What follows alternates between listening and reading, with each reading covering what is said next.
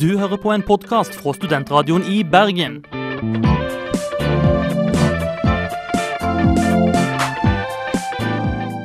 Denne og mange andre flotte podkaster finner du på podkast.srib.no.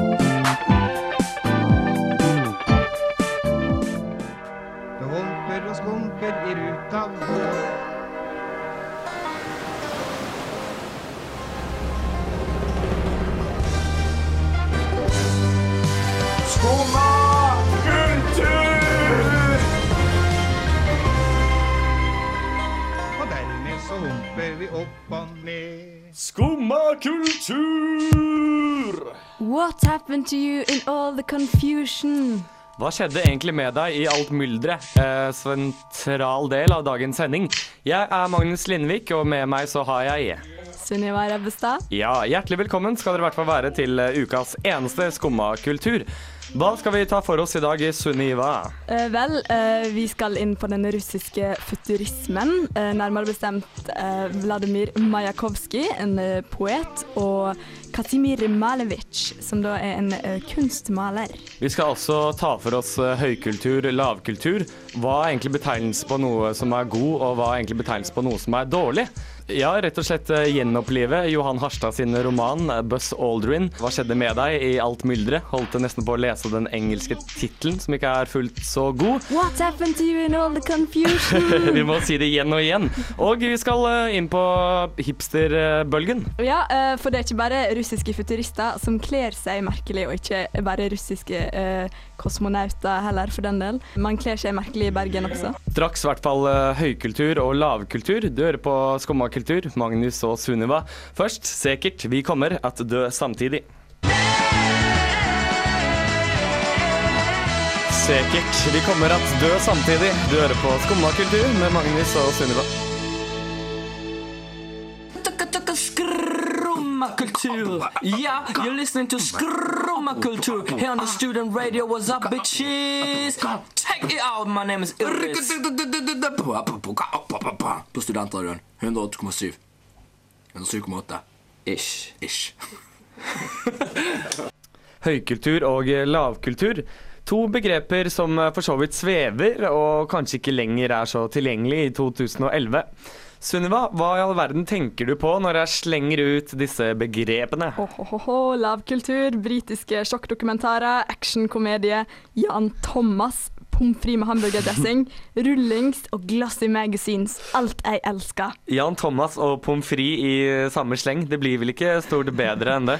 Men, men du går jo på litteraturvitenskap. Er det ikke litt selvmotsigende at du elsker dette? Uh, uh, jo, du kan, du kan godt påpeke at jeg går på det her høykulturelle fiksfakser i eh, litteraturvitenskap. Og ja, uh, jeg kan godt innrømme at jeg i dag satt på bussen og leste marxistisk litteraturteori. For du var hjemme, og, og, og du skulle ta bussen hjem, og du kanskje innså at hverdagen din var litt annerledes enn for andre? Ja, ja, ja, for ut av eh, min fjellrevensekk, som jeg så klart har, så løfter jeg moderne litteraturteori, skal sitte og lese om og gi makta til eh, proletariatet. Og på andre sida av midtgangen da, der sitter, der sitter østeuropeerne. Med laptop på magen og transpop på øra og ukebladet sitt og pimpa bokser. Og livet ser egentlig ganske bra ut. Jeg tenker, Hva slags side vil jeg egentlig sitte på i denne bussen? Hvem ville Sunniva Rebbestad være i 2011? Jeg omtaler det veldig som folkelig, eh, kan jeg si det? Uh, Ja, fjellrevensekk versus ølpimping. Eh, Det er vanskelig valg, altså. Sterke kontraster, akkurat som høy- og lavkultur. Jeg nevnte jo begrepet folkelig kultur. En forfatter faktisk har godt kjennskap til eh, nettopp denne kulturen. Ja, Kjartan Fløgstad, som vokste opp i ei industribygd og virkelig fikk kjenne det her på kroppen med eh, å leve i eh, den folkelige kulturen, og på en måte måtte sette pris på den. da. Han ble jo som sagt en forfatter i sitt liv, og eh, han, han kom til et miljø da, hvor han møtte en veldig forakt for eh, denne type kultur. Han skulle rett og slett gå til krig mot uh, høykulturen, som han selv eh, sier, går til krig mot folk i slips. Ja, jeg regner med det ikke var dresskode da du tok eh, turen på Kvarteret for å høre på hva tankene har gjort seg opp om lavkultur, fra bygdekino til forfattere omgitt av finkultur. Spørsmålet var vel egentlig om finkulturen alltid er den reneste. Kulturkrig, Kaffe Opera. Natten faller på. Kvinnen diskuterer høylytt med sine venninner om den nye teaterforestillingen til DNS. Den indre dypheten til karakteren George var aldeles utsøkt. Bordet ved siden av omtaler og prater også om kultur. Men denne samtalen virker mer engasjerende. Det er fotballprat. Kvinnene hvisker et ord lavkultur. Året er 2011. To forslitte uttrykk henger fremdeles fast i veggene. Høykultur og lavkultur. Hva er egentlig lavt, og hva er høyt innenfor kulturen? Og hvorfor skal vi på død og liv kategorisere hva som er god kultur? Først og fremst trenger man kunnskap om selve begrepene. Da borgerskapet i Europa vokste fram som klasse, oppdaget de at det fantes kulturer i egne samfunn som ikke kunne forklares ut ifra tanken om at de var dårlige. De nedre sjiktene bar en annerledes kultur sammenlignet med deres egen. Som forklaring på dette fikk vi ideen om en høykultur som representerte det borgerlige, og lavkultur som representerte kulturen til folket, allmuen. Kjennemerket til sistnevnte var at det ikke fantes noe skriftspråk. Kulturformidlingen skjedde først og fremst gjennom muntlig overlevering. Se f.eks. Peter Asbjørnsen og Jørgen Moe.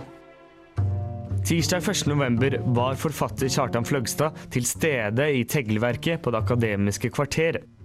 Fløgstad er kjent som en stor kulturdebutant med innsikt i nevnte emne. Fløgstad vokste opp i Sauda, en industribygd i Rogaland.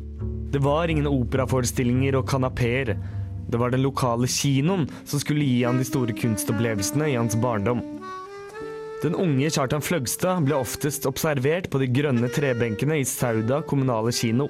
Der han opplevde John Wayne i Rio Bravo og Robert Mitchum i Thunder Road, en film som da slo han helt i bakken. Den beste filmen han hadde sett. Dette skapte inntrykk. Det var dette som var stor kultur. The cattle go down to the stream. The redwing settles in her nest. It's time for a cowboy to dream. Vekk fra Sauda og inn i en annen verden. En kritisk verden. Den folkelige kulturen Fløgstad hadde stor glede av som ung, ble møtt av forakt i det kulturelle etablissementet. Fløgstad så seg irritert. Han skulle oppfordre til kamp mot det høykulturelle svada. Ut av dette oppsto det fire essays som problematiserte motsetningen mellom begrepene høy og lavkultur. Begrep som stadig dominerte debatter på 70-tallet om hva som var god kultur, og hva som ikke var god kultur. Et av disse essayene var loven vest for Pekos. Her rettet Fløgstad et kritisk blikk mot kulturindustrien og eliten. Han mente at eh, skillet mellom den tradisjonelle institusjonskunsten og massekulturen er ikke så stort som man alltid tror. Han mente at den fine kulturen også er uren. At høykulturen ikke er ren, var demonstrert i den mye omtalte romanen 'Grense Jakobselv' fra 2009. Her viser Fløgstad at også nazismen var et prosjekt for eliten. Ingen søker sanninga mer helhjerta enn torturisten. Torturisten tar i bruk alle midler for å få fram sanninga. Og På sin side gjorde juristene en skarpsidig innsats for å forsone statlige båtsverk med rettslig legalitet. Det er en film som heter 'Conspiracy', som ligger på en HBO-dramatisering av den såkalte Wannsee-konferansen, der det tyske embetsverket forbudde den endelige løsninga av jødespørsmålet i Europa, altså den byråkratiske siden av dette spørsmålet. Og Som kjent hadde halvparten av deltakerne i denne Wannsee-konferansen akademiske doktorgrad. De tyske ingeniørene brukte fagkunnskapen som villige operatører i statens båtsverk. Filologer og etnografer gav seg opphavsmetafysikken i hold og søkte etter rene tyske ord og germanske arveegenskaper. På et mer teoretisk område var Martin Heige langt fra den eneste nazistiske filosofen. I 1940 var omtrent halvparten av alle tyske akademiske filosofer medlemmer av nazipartiet. Og de fleste fikk filosofere stødig videre etter krigen. Det har foregått en stor utvikling av kulturindustrien, og Fløgstad ser lys på framtiden. Han mener selv at fremvoksen av moderne massekommunikasjon har gjort mulighetene for en kunst som både er sublim og populær, større enn noen gang. Under de eh, kapitalistiske massemediene finner ytringsfrihet sted. Ytringsfrihet finnes da i skarp kontrast til statlig sensur og dr. Goebbels. Som er treffende en gift og forgiftning, kan vi si at massemedia lager en tett, eh, være så positiv eller negativ, støy bak ulike ord og uttrykk. I dag får mange dekket sine behov gjennom flere kanaler og sosiale medier. Kulturen beveger seg utenfor institusjonens fire vegger og trer inn i det private og offentlige rom. Selv om borgerskapet er borte, finnes fremdeles dette skillet. Problemet er bare at kulturen ikke lenger kun handler om Asbjørnsen og Mo. Derimot om Norge som langt fra er et klasseløst samfunn. Bruker man betegnelsen en borgerlig kultur om vår felles kulturarv, da utelukker man store deler av befolkningen. Nettopp dem som i dag avviser høykulturen og foretrekker sin egen variant, populærkulturen, som er et mye hyggeligere navn på underholdningsindustrien.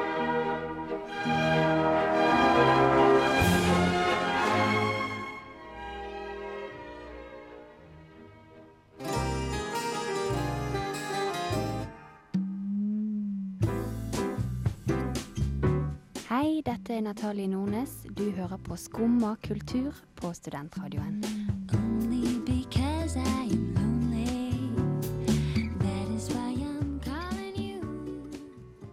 Håkan Hellstrøm, himmelblå, himmelblå. Alt er vakkert, altså. Du hører på Skumma kultur, og Magnus Lindvik og Sunniva Rebbestad er i studio.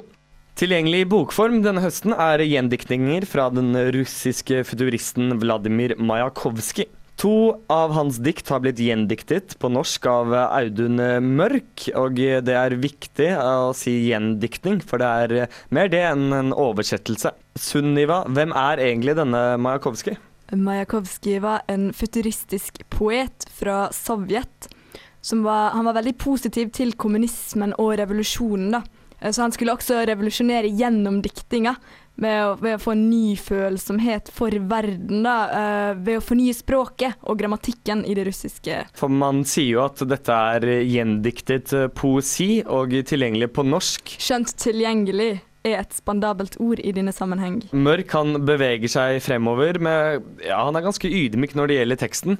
Vi kan se i boken at eh, Mørk har satt opp eh, den russiske originalteksten på ene siden, og eh, den norske på den andre siden. Du nevnte jo eh, innledningsvis Sunniva, at han var en stor futuristisk poet. Hva var egentlig futurismen? Uh, Majakovskij var med på å grunnlegge den russiske futurismen. Han og en gjeng andre russiske bad boys. Litt som uh, Christiania-bohemene, kanskje? Ja, og I 1912 så publiserte de et manifest kalt 'Eit slag i ansiktet på den offentlige smak'. Ah, smack! Hvilken tittel! Slag i det offentlige. Ja, og denne gjengen de, de regjerte den russiske landsbygda da, på begynnelsen av det 20. århundre med sine ville opplesninger og grønnsakkasting. Men alt de dyrka, var maskiner og vold. Så, eh, smal kultur til eh, proletariatet. ja. Går var i hvert fall ikke første gang du tok buss med proletariatet. Da Sunniva leste Majakovskij, tok hun ekspressbussen tilbake til fremtiden. Ikke les Majakovskij. Ikke les Majakovskij, for forlaget sendte aldri boka. Så må du gå på biblioteket og gjøre deg til litterær gjeldsslave. Hver side lukter av forfeila kommunisme. Ikke les Majakovskij på ekspressbussen. I full fart for jeg av sted, og gikk på grunn. Buksefillene hengte seg fast i noe. Jeg kjente med hånden. Det var glatt, som en løk. På jordene langs veien står forlatte maskiner. Jordbrukssjiraffer som spyr ut dritt.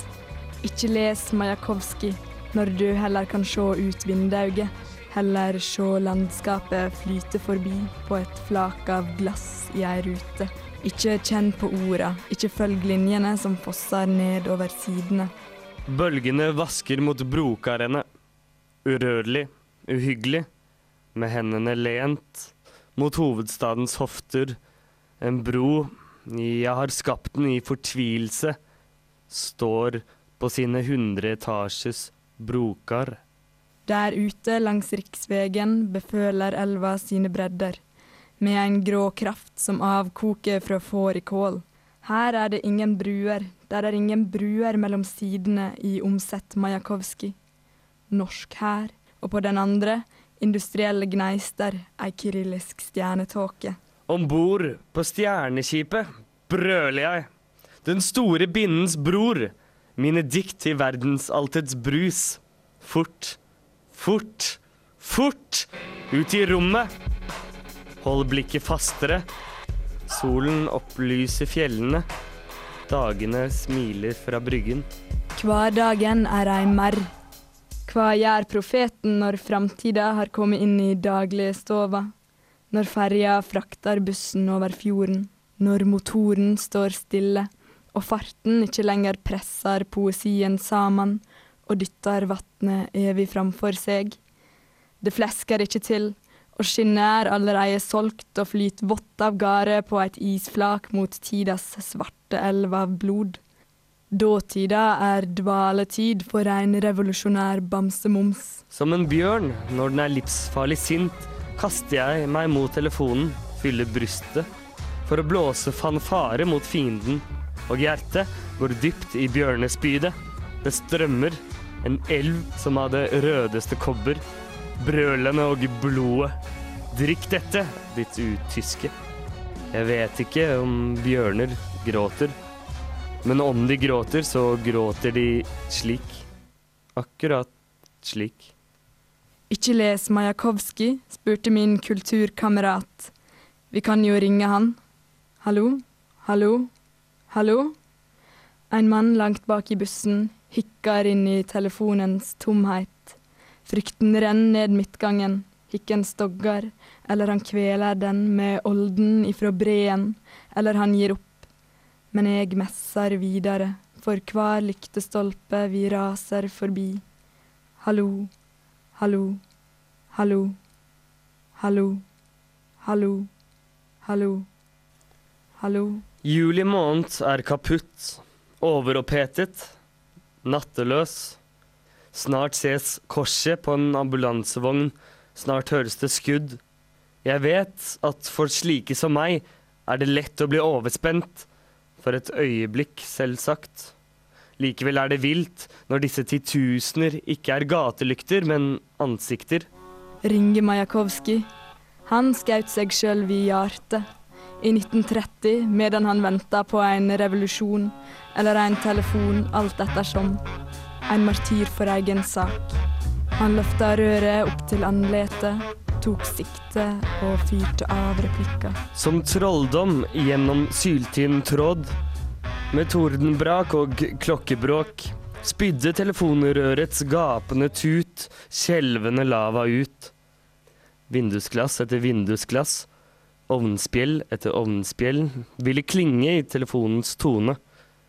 Huset ristet som rangelen i barnets hånd og druknet i en flodbølge av telefonbjeller. Som en sjøsjuk fiolin, en diktersk isbryter på rim, urimelig. På turné på bygda leste Majakovskij Majakovskij og pælma råtne rotgrønnsaker på bondekjerringene. Mellom linjene, mellom benkeradene på vertshuset, en julekveld med støvlene planta mellom spritflaskene. Vandra over ei sju år lang bru mellom to kvernande kanonkvad. En framtidsvisjonærs endelikt. Når mennesket er borte, danser kjærleiken på bordet. I dette temaet, som er så mitt og banalt, gjentatt og gjentatt igjen, denne sang, slik en kvern har malt. Dette temaet kom som kniven til halsen, en sleggesvenn. Fra hjertet opp til tinningene har det formørket mine dager. Med dine vers befalte det, skal du hamre mot mørket, dette temaet, dets navn, du vet, er For størst av alt er slutten.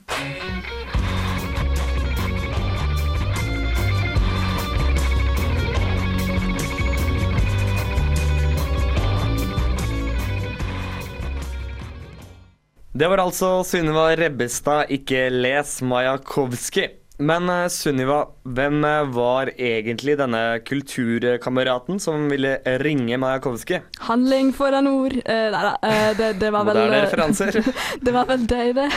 Ja, fordi eh, denne mannen hadde veldig vondt i hjertet. Ja, eh, Majakovskij skjøt seg sjøl i hjertet i 1930 eh, pga. sin kjærlighetssorg over vel dama i sitt liv, og ikke minst revolusjonen. Det var ikke så lett å være en fattig poet i gamle Sovjet. Eh, nei, og når du snakker om eh, sola som aldri kom, eh, så har jeg tatt med en liten eh, fortelling fra hvordan Majakovskij hadde det da han bodde i Sovjet og skrev der. Vær så god til meg. um, OK. Uh, Majakovskij på Kunstakademiet i Moskva 1911, der Majakovskij gikk for å bli maler. Det er i kantina. Men Majakovskij spiser ikke smørbrød med pølse slik de andre gjør. Han diskuterer kunst. Han er energisk og radmager.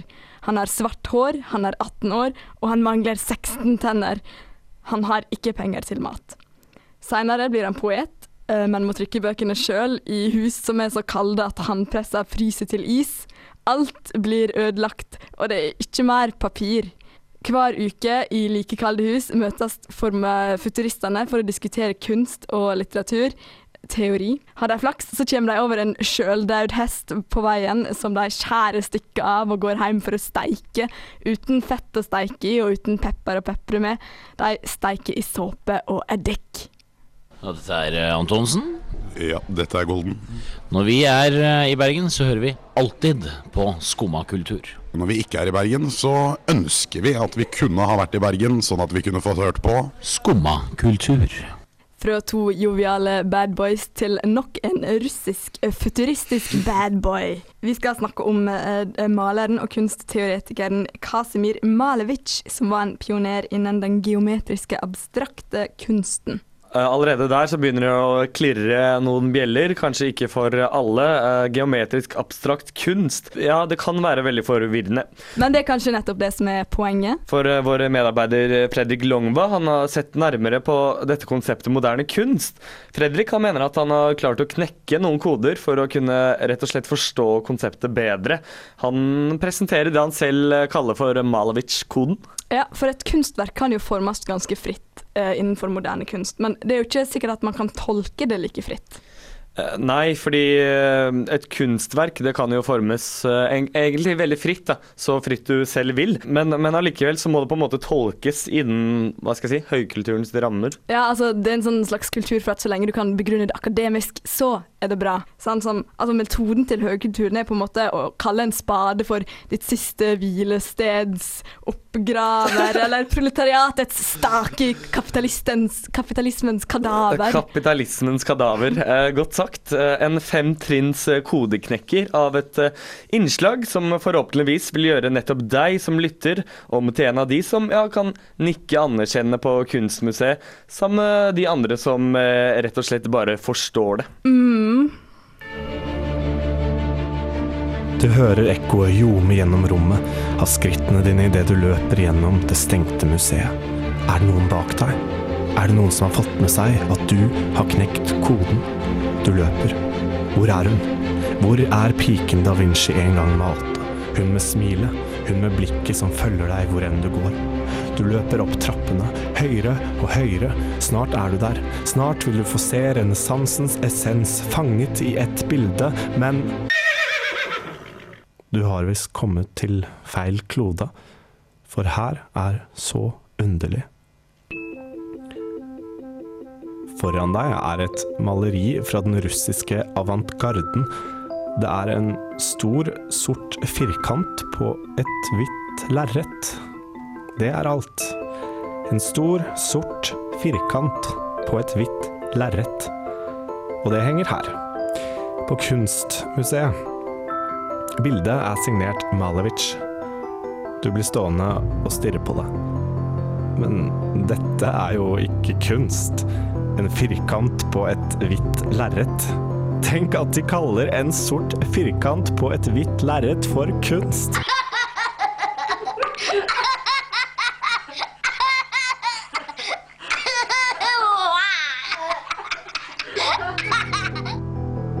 Har du noen gang lurt på hvorfor dette kan bli sett på som kunst?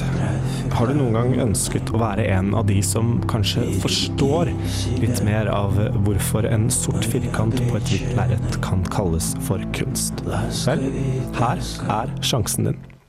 Vi skal nemlig knekke Malevich-koden. Vi skal knekke koden om moderne kunst. Spectacular! Spectacular! No words of the vernacular can describe this great event. You'll be dumb with wonderment. Kodeknekkingen består av fem trinn. Trinn nummer én. Det finnes ikke noe som heter kunst, det finnes bare kunstnere. Dette sa en vis mann ved navn Gombrich, og han var faktisk så vis at kunsthistorikere siden har nikket anerkjennende. Så la oss ikke legge for mye i begrepet kunst, ettersom det egentlig ikke er noen som vet hva det er. Trinn nummer to. Det finnes mange store kunstnere. Vi kjenner alle da Vinci og er bare helt over oss over hvor virkelighetsnære bildene hans er. Skills, tenker vi. Det der er skills. Så snur vi oss til Malevich og bare eh, Det der er jo bare helt uforståelig. Ja, det er uforståelig. I motsetning til et portrettmaleri, en etterligning av virkeligheten, er den moderne kunst opptatt av å vise det uforståelige. Say what? Say what? Say what? Say Say what? Trinn nummer tre består av å forstå avantgarden. Avantgarden er de der moderne kunstnerne som bare er så forbi alle, som tegner kruseduller og kaller det kunst, og vi bare OK, losers, det der ligner ikke på noe. Og det er nettopp det det handler om. En dag var avantgarden så drittlei av å tegne de samme etterligningene om og om igjen, og kunstnere som Malevich, ja, han fyren med den sorte firkanten på det hvite lerretet, ville skape en egen virkelighet i kunsten. Det vil si at det du ser på lerretet, er ikke et forsøk på å være flink, eller vise skills, eller å få det til å ligne på noe. Det er et forsøk på å skape en kunst som eksisterer i sin egen virkelighet. Say what? Say what? Tenk på f.eks. filmen eh, Inception, der de beveger seg mellom virkeligheter, og hun derre Juno-dama tegner egne byer i drømmene sine. Det er litt sånn, på en måte. Dette er på en måte Malevichs lille Inception-øyeblikk. Kanskje? Trinn nummer fire. Tenke sjæl og mene, sang Trond-Viggo Torgersen, og det kan du også gjøre i møte med et moderne maleri. Nei, nå snakker jeg ikke om det du liker eller ikke, jeg snakker om hva du selv legger i det. Er kanskje den sorte firkanten verden? Er den inngangen? Eller utgangen? Husk, det finnes ingen regler. Det er hele konseptet. De eneste som vet om disse reglene, er kunsten selv. Vil si lerretet foran deg. Og siste trinn, moderne kunst prøver ikke å være forståelig. Moderne kunst skaper sin egen virkelighet, så det at du ikke skjønner hva som foregår, det er faktisk mye av poenget. Og nå rister du kanskje på hodet og tenker jaha, men eh, hva skal vi med kunst som ingen skjønner? Nei, jeg vet ikke, kanskje det sier noe om andre ting vi ikke skjønner, som nei, eksempel eh, livet. Wow, ok, nå ble det litt for dypt. På tide å wrap things up. Vi er tilbake i museet. Du står foran Malevich-bildet av en sort firkant på et hvitt lerret. Du stirrer inn i et bilde som faktisk kan være like trollbindende som det hemmelighetsfulle smilet til Mona Lisa. Moderne kunst er nemlig egentlig ikke så forbanna utilgjengelig, men den krever at du er tilgjengelig for å tørre å forstå at du rett og slett ikke forstår. Nå har du altså knekt Malevich-koden. Du har knekt koden for moderne kunst.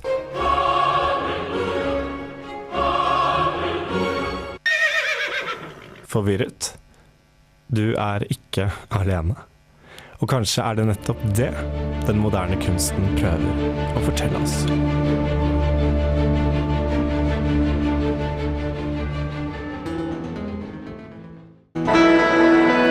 Deer Hunter med He Would Have Laughed. Du hører på Skumma kultur med Magnus og Sunniva. Dyr som avsendere. Kjempefint. Jeg vet ikke om disse uglene har noen eh, hestehale. jeg. Johanne, jeg har mer glass i melket ditt, har ikke du? Mye av det skummer her i studio. Melkebrann! Melkespann! Fra spøk til eh, revolver, eller fra, som vi pleier å si i skumma, fra skum til alvor. Og det bobler over skum i dag. Kulturskum!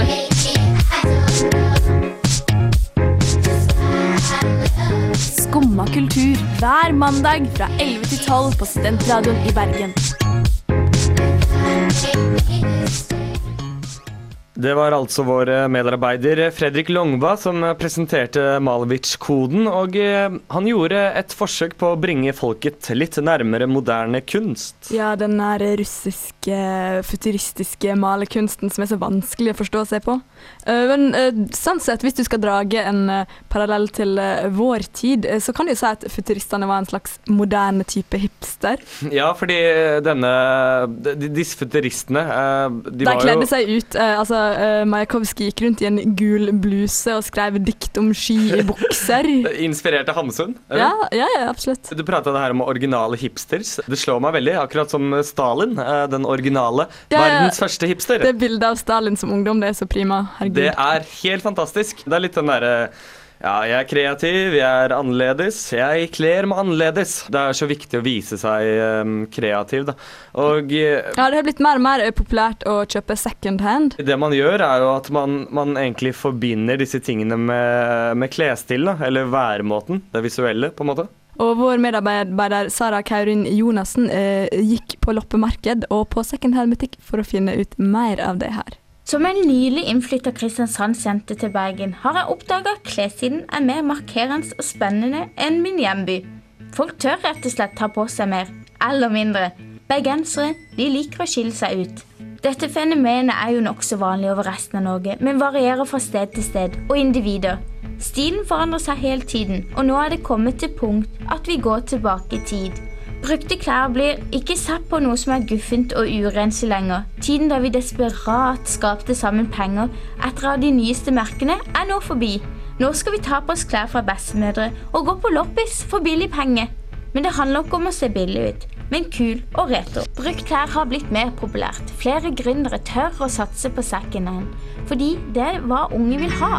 Second Love er den nyeste second hand-butikken i Bergen, og jeg tok turen innom for å få svar fra Second Love-Lisa på hvorfor second hand er så populært, og grunnen til at unge bruker brøkklær for å uttrykke seg visuelt. Jeg vet ikke, Det er vel en eh, tendens i samfunnet som har gjort at eh, det har blitt trendy igjen, da, vil jeg tro.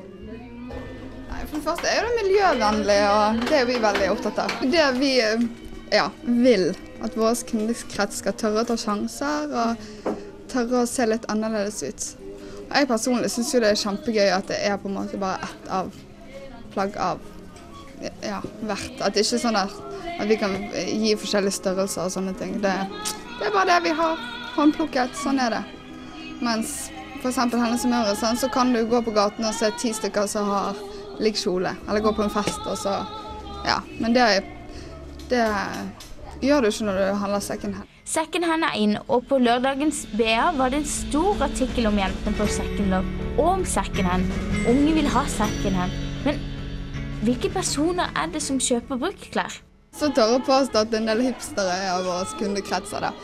Så um, ikke noe så negativt. Og det, det Jeg føler egentlig at det blir brukt som et skjellsord, men hipstere, de er Veldig mange hipstere har kul stil, de, altså. Så det Ja.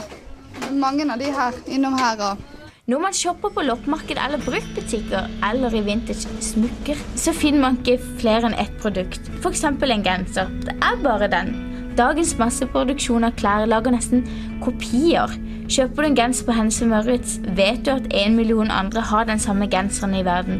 Bruktklær garanterer et mindre antall av den samme genseren. Vår lette tilgang til klær og at vi rett og slett har alt vi trenger, får oss til å lukte etter noe nytt. Det å skille seg ut er en del av individuell livsstilen vi lever i. Kampen om å finne seg selv og ikke finne hva andre er. Jo mer man skiller seg ut, jo bedre har en ung person klart å finne seg selv. Lisa forklarer meg hvorfor dette er så stort behov. Jeg tror nok at det alltid har vært viktig i verdenshistorien, men folk gjør det gjerne nå på en annen måte. Jeg føler at folk har veldig stort behov for å uttrykke seg selv gjennom klær. Jeg dro på loppemarked for å prate med de unge selv. Loppemarked på Rotthaugen var en stor rothaug med klær fra Bergens fineste eldre, til kinesiske tallerkener og julepynt. Alt kunne finnes. Hvorfor kjøper unge klær fra tidligere tider? For min del så er det vel å prøve å finne noe som ingen har. Altså ikke gå med akkurat de samme klærne som alle andre. Så er det et pluss at det er billig. Det er vel å finne en gullskatt som er spennende med loppemarked. Det er vel eh, Jeg vet ikke, folk er vel litt mer opptatt av um, miljø og litt Det er jo på en måte blitt trendy å være opptatt av det, da. Og blitt ja, kult å kunne bruke klær om igjen. Og ikke bare det at det er tøft med gamle stiler, men også det at man er liksom ja, mer bevisst på at man bruker igjen klær og Å finne noe som ingen har, liksom. Og spesielt med tanke på sånne her masse kjedebutikker og eh, folk ser at ja, alle har det jeg går med, og sånt, så det er ikke kult. da. Jeg er mer og mer viktig for folk. da, At du skiller deg ut, at du har din egen stil. Og Det er på en måte sett på som ukult å være en av mengden, men nå skal du skille deg ut, med, også i klesstilen. Det er ikke å legge skjul på unge vil skille seg ut, og secondhand er en måte å gjennomføre det på. Det å kle seg i noe annet enn hva andre har, var et stort behov blant loppeselskere. Men hva tenker de om hipstere? Eh, Jeg tenker på de folka som eh, er liksom et hakk forbi alle andre i, eh, i, i stil, da, som på en måte går sine egne veier, og så blir de forbilder for andre. Hipster, da tenker jeg landmark. Da tenker jeg briller. Tenker jeg gulvteppe, faktisk. Ja, for det er det på landmark. Hipster er blitt et ord som ofte brukes på unge som klarer å skille seg ut. Unge som har knekt koden på individualitet og egen visuell stil. Det gamle brukes som nytt. Nye kombinasjoner som vekker oppsikt. Mange vil være den personen som legges merke til. Det klarer jo hipstere. Og secondhand er en måte å gjøre det på. Kan jeg faktisk gå her på gaten og sitte utenfor og ta en kaffe og se folk som går forbi og blir inspirert. Det gjorde jeg ikke for noen år siden. Så jeg føler det er en enorm utvikling blant bergensere. Både gutter og jenter. Det var altså Sara Jonassen som utforsket eh, det visuelle uttrykket. Ja, men du Magnus, jeg tenkte litt. Du har tenkt Sunniva Rebbestad så fint. Det er flott og viktig å tenke. Ja, for det med gamle klær og sånn. Altså, før så sydde man jo klærne sjøl, og så tok man vare på dem, og så var det såpass god kvalitet da, at det på en måte gikk i arv i sånn fem, fem generasjoner eller ledder før man på en måte kunne gi fra seg klærne og sende dem videre. Fem generasjoner. Ja, her er du trebuksene til din type oldefar. De er fra 1700-tallet. Her er gardinene som Maria von Trapp sydde kjole til meg før eh, andre verdenskrig. Men i hvert fall da, når klærne endelig ble så slitt at man med respekt for seg sjøl kunne kvitte seg med dem, da brukte min bestemor å dele dem opp i lange remser. Ja, for du har en historie på akkurat det her. Ja, eh, nettopp. Eh, og så tok hun disse remsene og hekla gulvteppet av dem. Så nå sitter hun på en måte i godstolen sin og så ser hun på disse teppene og tenker å, der er den blusen som jeg sydde til henne, og der er den buksa som han gikk med i alle de åra. Så hvis du har en familie som ikke besøker deg så ofte, så lag teppe av, eh, av klærne deres. Ja, ikke skummelt i det hele tatt. Men, men, men nå da, i dag, så ser du igjen kledene, Men det som skjer, er at du tar de kledene du er lei av, og så putter du dem i en uff-container. Så når du ser dem igjen, så er det på kriseramma områder og eh, på sultende barn i Afrika og i østblokken. Ikke bare får de gamle klær. Eh, Månekappløpet vant jo heller ikke. Nei, de rota seg vekk i ei kyrillisk stjernetåke. Det var det jo Neil Armstrong som vant. Og den eh, kanskje litt mindre kjente andre mannen på månen, Buzz Aldrin. Straks mer om eh, dette. Pingo liker fisk, vi liker melk. Skumma som sådan. Hør på Skum og kultur hver mandag fra 11 til 12.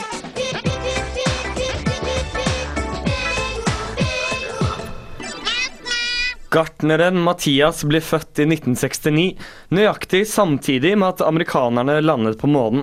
Mathias blir besatt av Buzz Aldrin, mannen som steg ut av raketten som nummer to.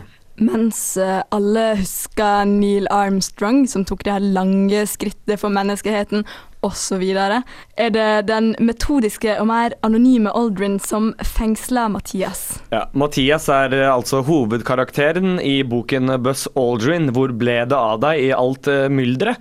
En roman av Johan Harstad fra 2005. Hans første roman, faktisk. Denne boken her er igjen blitt eh, veldig aktuell, fordi NRK tok med seg et filmteam og noen flinke skuespillere opp til Færøyene, og har rett og slett foreviget det på filmruller.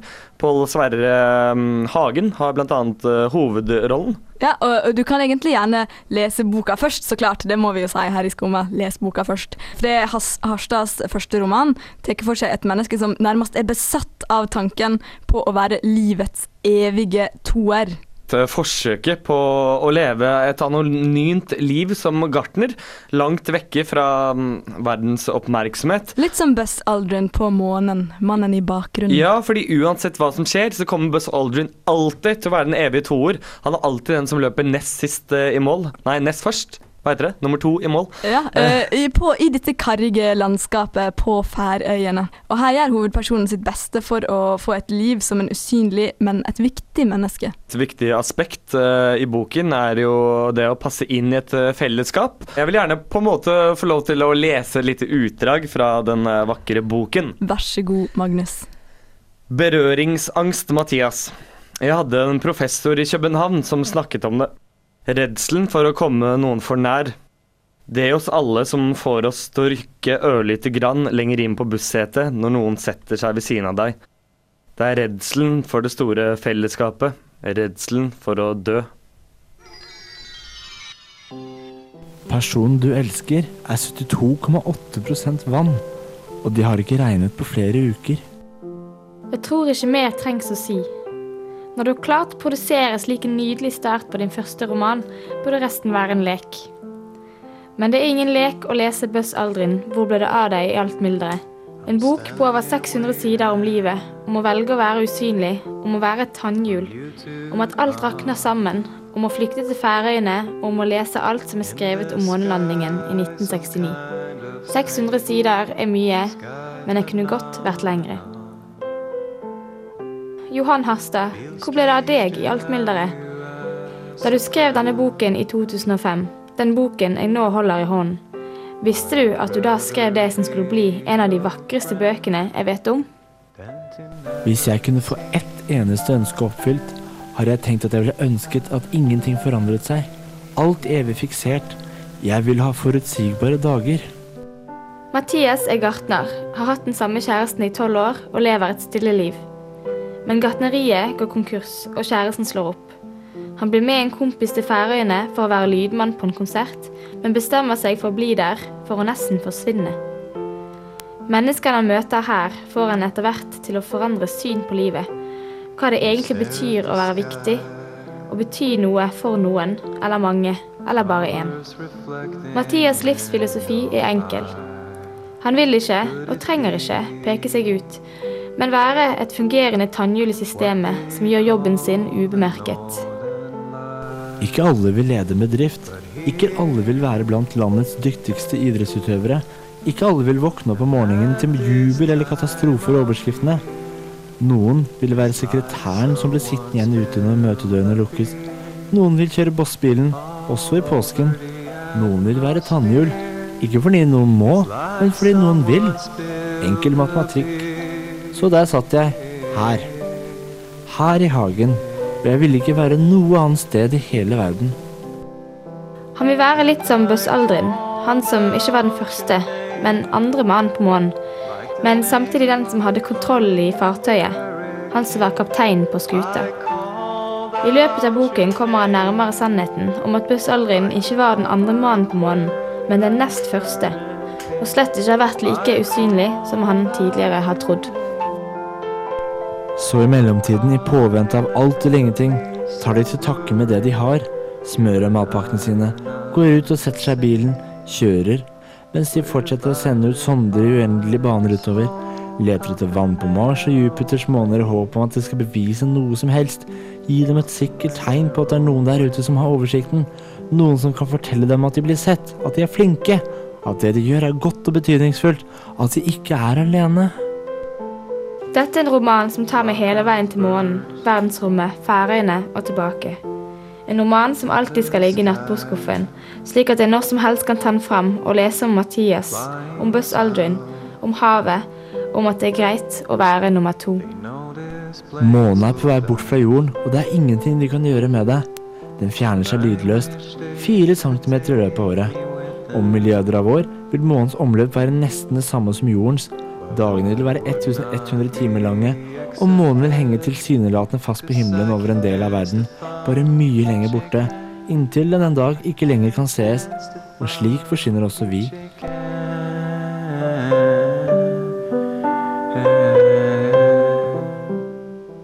Det var altså Kristina Vensås som eh, tok for seg romanen Buss Buzz Aldrin, 'Hvor ble det av deg i alt mylderet'. Boken er tilgjengelig overalt, og serien kommer på NRK fra 28. november hver mandag. Det er eh, rett og slett på tide å si ha det, er det ikke det, Sunniva? Jo, vi må oppsummere dagens sending, og jeg syns at ordet buss eh, kan være et fint utgangspunkt. Mm. Hva har vi egentlig tatt for oss i dagens sending? Eh, vel, vi har jo tatt for oss det å reise med buss, både gjennom den futuristiske poesien og eh, litt eh, som en sånn der eh, sjelesøkende sak mellom høy kultur og lav kultur, og alle de mennesker som møtes på en Mm.